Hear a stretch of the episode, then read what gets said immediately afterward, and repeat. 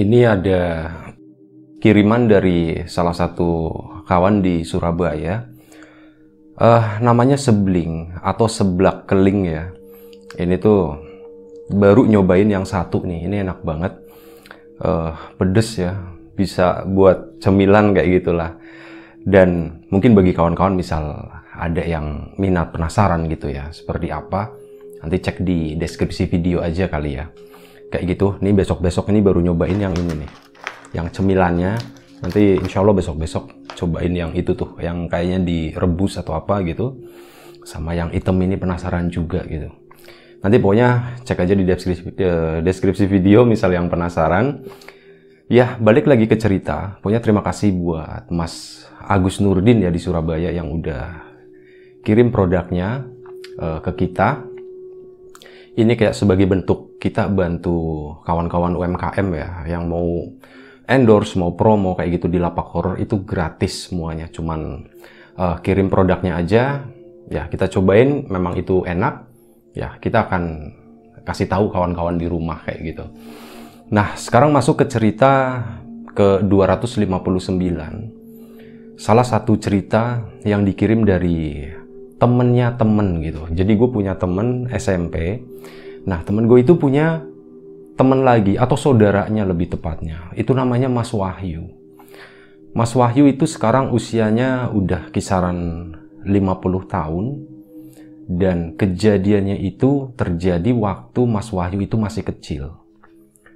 Nah, di kampungnya Mas Wahyu itu, dulu pas kecil, ada seorang perempuan itu yang sempat bikin heboh waktu itu. Berpuluh-puluh tahun yang lalu ya. Jadi eh, sebut saja namanya Marti lah begitu. Ini nama samaran ya.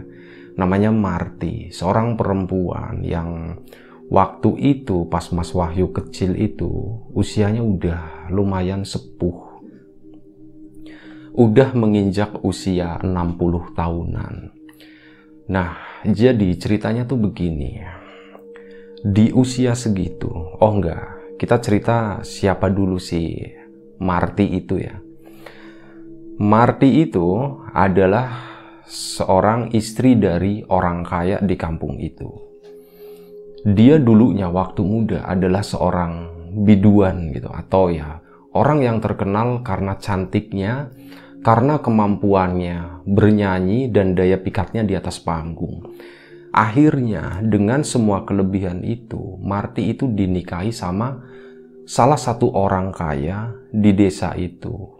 Dan ya semenjak menikah itu, Marty itu jadi nyonya besar lah, katakanlah seperti itu. Hidupnya bergelimpangan harta, hidupnya tuh mewah gitu ya maksudnya di kalangan orang kampung di situ itu termasuk orang yang mewah atau ya sekelas priayi kayak gitulah. Tapi sebenarnya banyak isu yang muncul. Ini sore agak gerah ya. Uh, banyak isu yang muncul mengenai Marty itu, isu-isu negatif. Katanya Marty itu punya banyak susuk.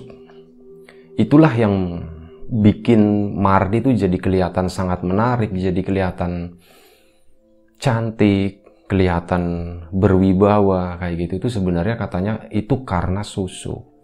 Dan itu terjawab. Tuduhan itu terjawab setelah bertahun-tahun kemudian. Setelah Marti tua, usia 60 tahunan, mulai sakit-sakitan dia dan saat sakit-sakitan itu kondisinya cukup mengenaskan karena waktu itu suaminya udah meninggal. anak-anaknya udah entah pada misah pergi ke mana, Marty itu di rumah tinggal sendirian cuman sama seorang pembantu begitu. Pembantu yang udah berpuluh-puluh tahun juga itu ikut di keluarganya Marty itu. Setiap hari ya kayak gitu karena udah sakit-sakitan, udah tua. Itu yang rawat cuman uh, pembantu itu doang. Anak-anaknya udah nggak tahu entah pergi ke mana, jarang pulang gitu.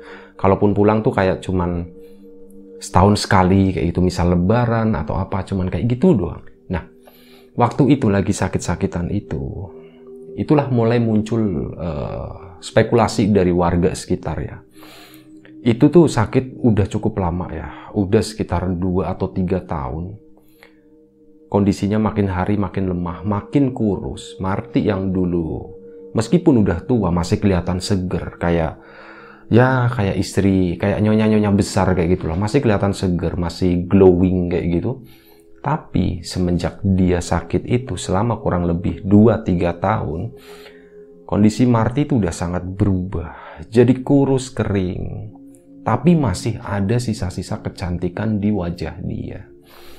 Spekulasi dari penduduk pun muncul. Ini harusnya nih, jangan-jangan nih harusnya si Nyai Marti ini udah meninggal nih. Tapi karena ada susuknya makanya tuh dibikin susah tuh kayak gitu. Disiksa katanya seperti itu. Biasalah warga kan suka apa ya kadang jadi sesuatu yang paling pinter gitu ya. Tapi it's okay itu wajar karena wajar karena banyak gitu ya yang seperti itu gitu nah di momen-momen sakitnya itu Marti itu, oh sorry ya, nyebutnya jangan nama doang kali ya. Nyai Marti itu, karena udah sepuh ya, gue nyebutnya Nyai. Nyai Marti itu sering teriak-teriak kayak gitu. Kadang suka nyerocos gitu. Siapa pun yang nengokin ke situ, siapa war-war gitu. Makasih udah nengokin, tolongin dong. Tolong apa Nyai Marti? Katanya, tolong ini ambilin susuku katanya kayak gitu. Tolong lepasin semuanya siapa yang bisa ya tak namanya warga ya nggak ngerti apa-apa dimintain seperti itu juga bingung kan ini kenapa gitu dan gimana cara ngelepasnya nggak tahu dan itu akhirnya pun menyebar kan. Nah setelah menyebar kayak gitu mulai itu ada beberapa orang berdatangan orang-orang pinter gitu para tukang susuk yang memang keahlian mereka itu bisa lah kayak gitu katanya bisa ngelepas bisa masang juga Sementara yang masangin susuknya Nyi Marti waktu itu, itu udah entah ke mana, Nyai Marti juga nggak tahu, hilang lah. Dan ada yang bilang, katanya kalau susuk itu yang lepas ya harus yang masang. Katanya seperti itu ya.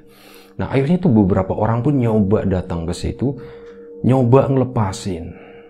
Secara gaib gitu ya. Itu coba dilepasin dan saat proses pelepasan itu ya Warga pun melihat menyaksikan. Katanya saat dilepas yang di kaki, ya Marti pun teriak-teriak kesakitan. Aduh, aduh kayak gitu. Dia kesakitan saat ada yang di dada juga ditarik katanya seperti itu. Sebenarnya nggak ada yang terjadi. Nggak ada yang nyala, nggak ada yang keluar dari situ. Cuman saat ditarik begini, ya Marti itu teriak-teriak. Aduh sakit, sakit, sakit. Intinya kayak gitu ya. Dan iya, banyak orang coba narik susuknya itu. Banyak yang bilang katanya udah berhasil. Tapi nyatanya susuk itu tuh katanya Marty tuh masih ada.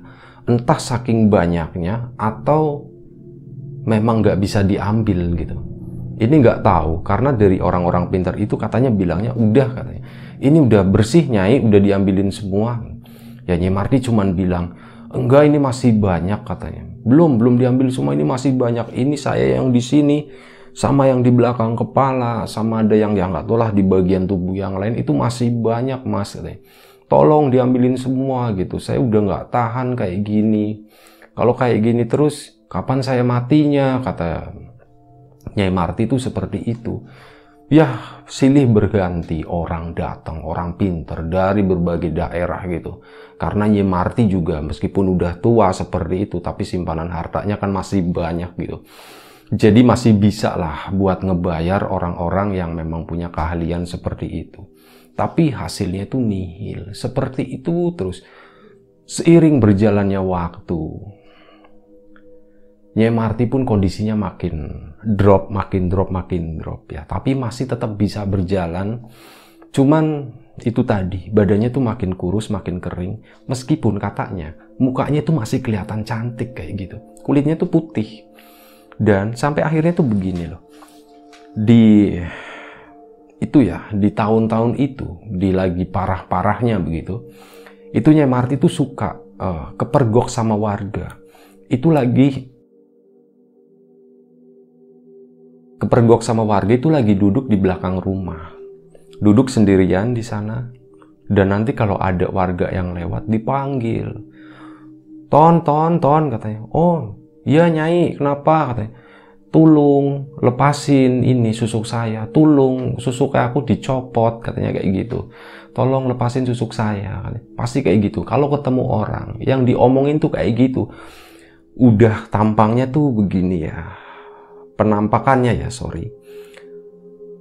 Uh, orang tua kurus kering tapi kulitnya tuh putih.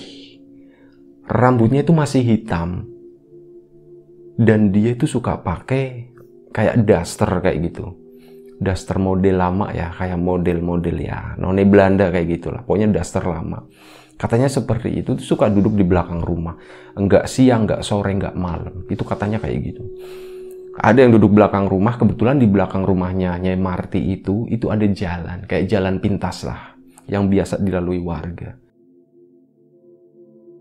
Malam-malam warga lewat situ. Mas, ke sini katanya. Wah, si Nyai Marti tuh. Iya Nyai, kenapa? Kitulung, susuk aku dicopot katanya. Tulung, susuknya, susukku tuh di lepasin katanya. Pokoknya setiap ketemu orang itu kayak gitu, bahkan duduk di depan rumah pun seperti itu. Tolong, tolong, tolong gitu. Ketemu siapa pun pasti minta tolong. Dan uh, sampai akhirnya tuh begini. Nyai Marti tuh saking apanya ya?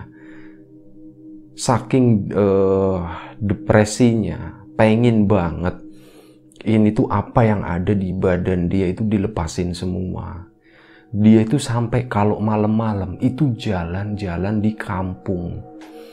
Kalau udah malam jam 10 lewat, waktu itu zaman dulu jam 10 lewat belum ada listrik itu kan gelap banget.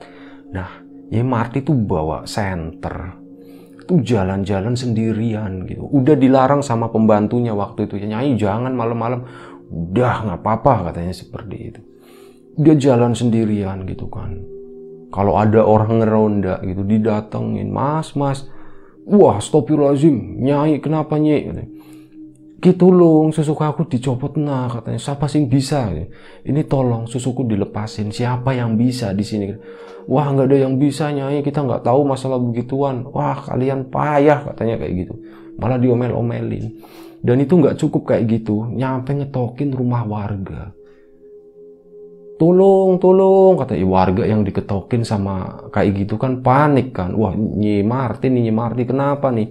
Dibukain ya kenapa nyai? katanya. Ini tolong katanya kayak gitu sama lah seperti itu. Dia terus muter-muter muter-muter gitu sampai akhirnya pada satu ketika saat Nyi Marti itu kondisinya udah makin parah udah nggak bisa jalan sama sekali Nah, itu pun intensitas dia keliling atau dia duduk-duduk di depan rumah itu kan juga berkurang. Dia udah lebih banyak tiduran di tempat tidurnya, masih diurusi sama pembantu rumah tangganya, asistennya itu, masih diurusin, diladenin semuanya, baju digantiin, bener-bener baik banget lah orang itu tuh. Dan sampai akhirnya ada satu orang ibu-ibu yang datang ke situ. Assalamualaikum. Waalaikumsalam. Pembantunya yang ngejawab itu. Oh iya.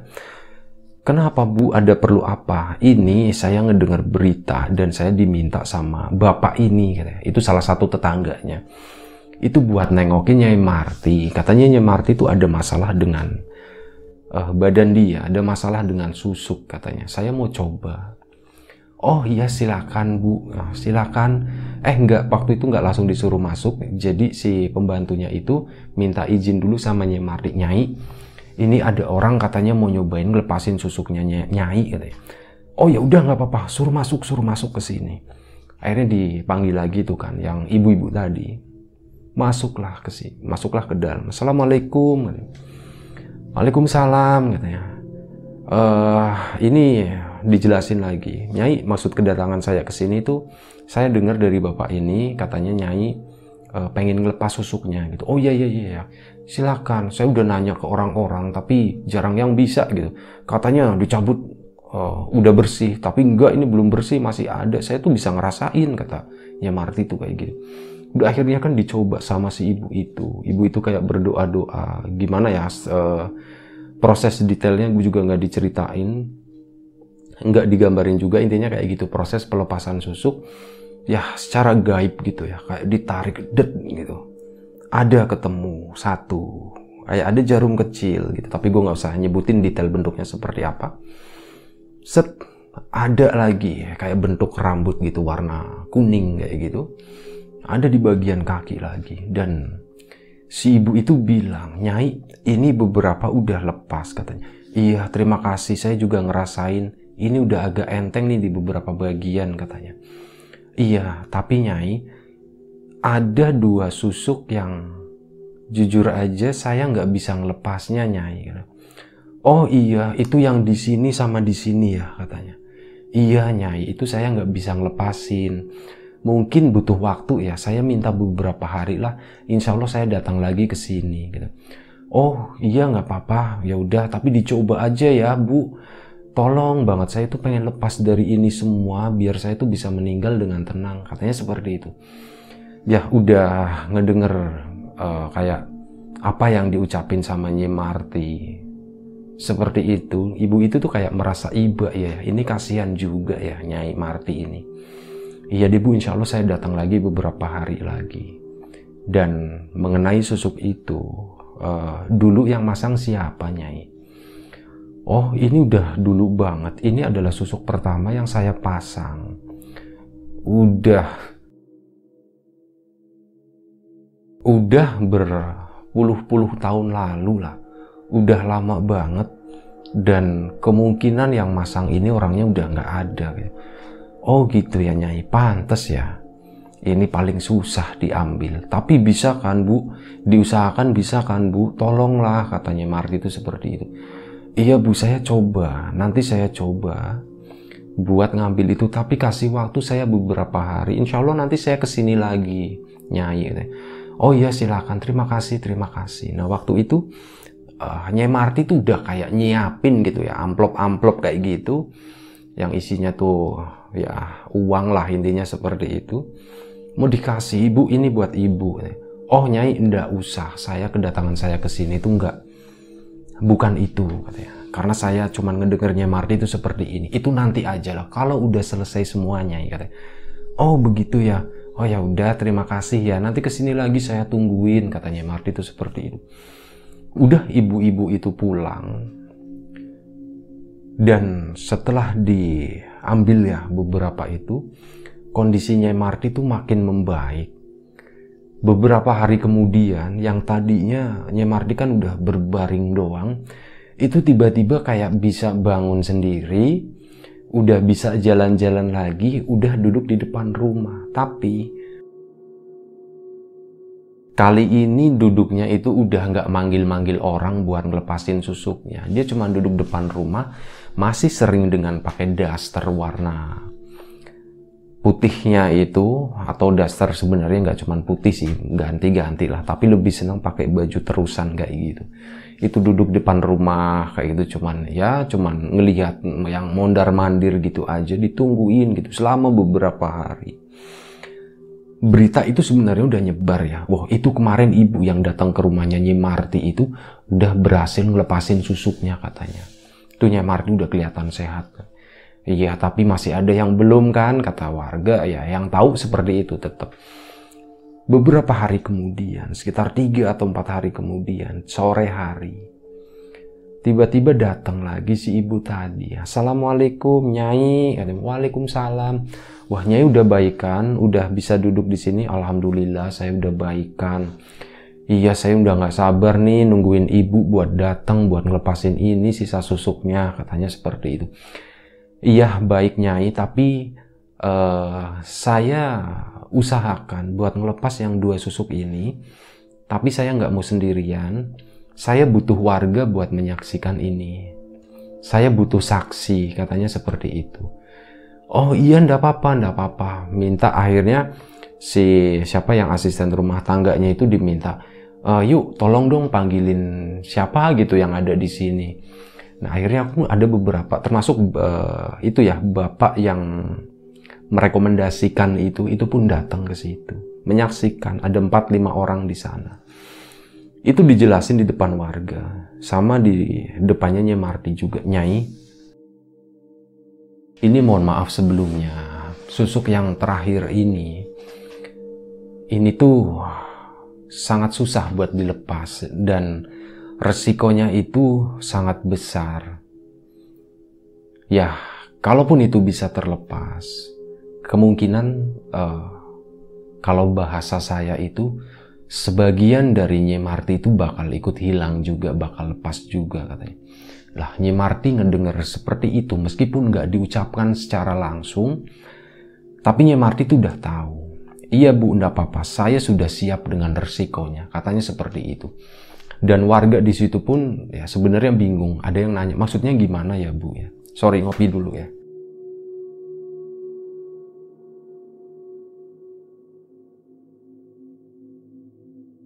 Akhirnya ibu tadi pun menjelaskan, jadi begini ya Pak Bu, ini kalau misal diambil, ya kondisinya Marti itu bisa ngedrop. Ini kan sekarang udah mulai baikan gitu kan. Karena kemarin yang kecil-kecil udah lepas. Nah ini yang dua yang besar ini, ini saat saya lepas, kemungkinan Nyemarti akan jadi lemah katanya seperti itu. Atau bahkan kemungkinan terburuknya Nyemarti nggak lama lagi kemungkinan bisa meninggal. Katanya seperti itu. Oh gitu ya, waduh bu kok serem banget nyai dipikirin lagi katanya. Udah saya udah mikir matang-matang gitu. Silakan ambil aja cabut gitu. Iya baik nyai ini udah disaksikan sama warga ya. Iya iya katanya seperti itu. Gak akhirnya Marti pun berbaring di situ. Uh, si ibu tadi minta asistennya buat nyiapin kayak air di dalam baskom kayak gitu. Tapi nggak boleh baskom logam. Paling nggak itu kaca katanya seperti itu. Asisten rumah tangga itu pun datang, datang ngambil itu. Silakan bu. Nah diterima itu kan baskomnya, ditaruh di depannya situ. Itu kayak didoa doain gitu ya. Terus kayak uh, si ibu tadi tuh uh, nempelin telapak tangannya di air itu. Terus sambil diusapin ke mukanya Nyi Marti. Nyai ini mohon izin saya mau ngambil yang di muka dulu ya. Yang di keningnya Nyai Marti dulu katanya. Iya silahkan katanya.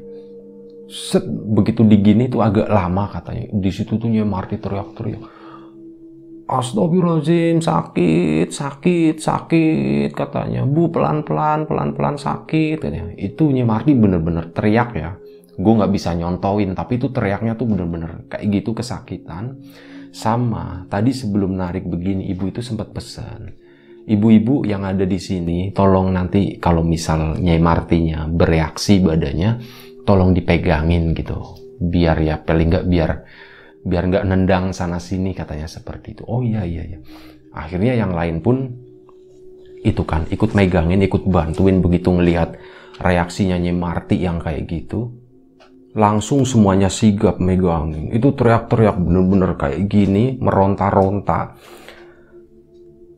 Zet gitu ditarik. Ditaruh di situ. Plenting. Ada sebuah batu sebesar katanya seukuran kayak kacang kedelai kayak gitu. Itu jatuh, kelenting situ. Warnanya hitam. Itu. Dan waktu itu setelah diambil itu Nyemarti itu bener-bener melotot dia melotot doang, nganga. Uh, pandangannya tuh kosong, cuman ngelihat ke langit-langit gitu ya. Cuman begini doang kayak gini. Ah, gua nggak bisa nyontoin juga, malu juga gitu. Pokoknya mulutnya nganga, matanya ngelihat ke atas kayak gitu. Wah itu warga udah panik. Wah bu, bu kenapa bu? Nggak apa-apa, nggak apa-apa. Ini reaksi awal aja, reaksi awal katanya. Terus kayak didoain lagi. Set. Mata Nyimarti tuh merem gini. Dan pas itu udah agak tenang uh, tapi napasnya tuh agak tersengal-sengal ya gimana nyai gimana nyai Nggak apa-apa bu, ambil aja semuanya. Ini yang di belakang, tolong diambil. Oke baik bu. Ini satu udah lepas ya bu ya. Sakitnya seperti apa?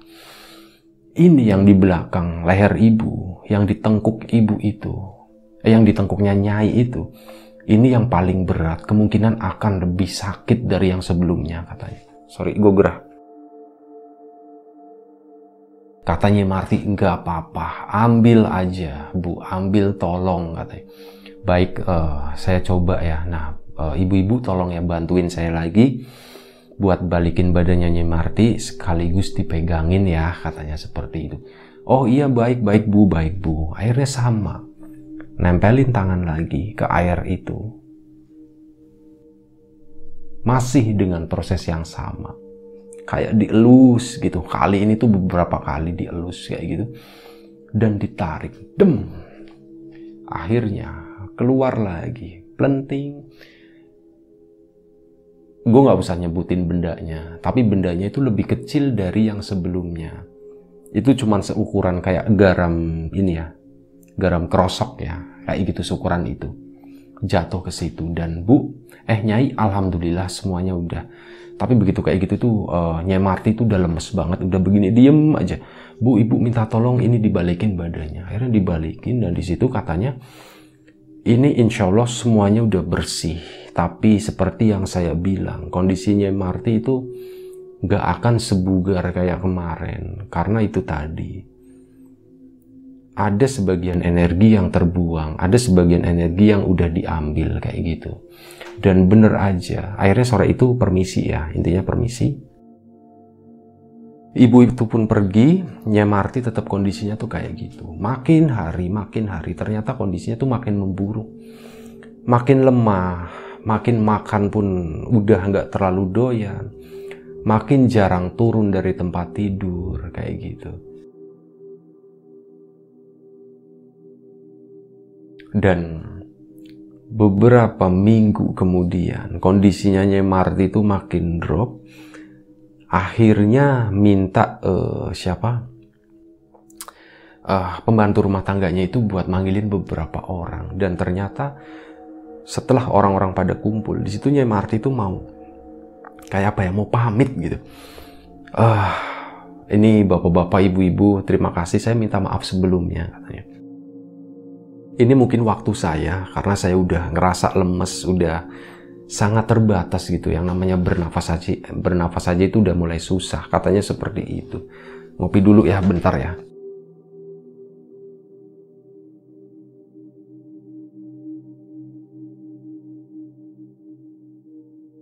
Akhirnya warga pun menyaksikan di situ, nggak lama, sekitar setengah jam di situ setelah awalnya cuma satu dua orang, makin ke sini makin rame makin rame. Ada yang duduk-duduk di ruang tamu doang, ada yang berdiri di samping tempat tidurnya Nyi Marti, ada yang megangin tangannya, pokoknya bener-bener warga tuh ya tumplek-blek di situ gitu ya, pada ngumpul menyaksikan Nyi Marti dan nggak lama setelah itu akhirnya Nyi Marti pun matanya uh, merem gitu dan ternyata udah meninggal di situ. Udah sore itu ya semuanya pada apa ya kayak pada bersedih gitu. Kenapa? Karena begini Memang isu Marti itu tentang susuknya itu udah beredar luas gitu ya. Dan itu memang benar Marti itu pegang susuk. Tapi kalau dilihat dari sisi sosialnya, Marti itu adalah orang yang sangat baik dengan tetangga gitu ya. Dengan apa yang dimiliki itu nggak nggak pelit gitu, nggak sungkan buat ngebantuin tetangga-tetangganya. Makanya kayak gitu, begitu Marti pergi, itu bisa dibilang boleh dibilang banyak yang kehilangan lah intinya kayak gitu. Dan waktu itu akhirnya anak-anaknya pun dikabarin ya. Setelah itu baru datang ya intinya dimakamin seperti biasa. Udah e, masalah Nyimarti akhirnya selesai. Nyimarti meninggal dengan tenang. Tapi ternyata ya masalahnya nggak berhenti di situ. Beberapa hari kemudian bukan beberapa beberapa minggu kemudian saat orang-orang udah mulai melupakan Nyai Marti, tiba-tiba malam hari rumahnya Nyai Marti itu kan jadi sepi. Yang pembantu rumah tangganya itu kan akhirnya udah karena nggak ada yang diurusin lagi, akhirnya ya dia pun keluar dari rumah itu kan. Rumah itu sepi, jadi rumah subung, gak ada siapa pun di sana. Setelah acara tahlilan selesai, udah gak ada yang ngurus lagi gitu.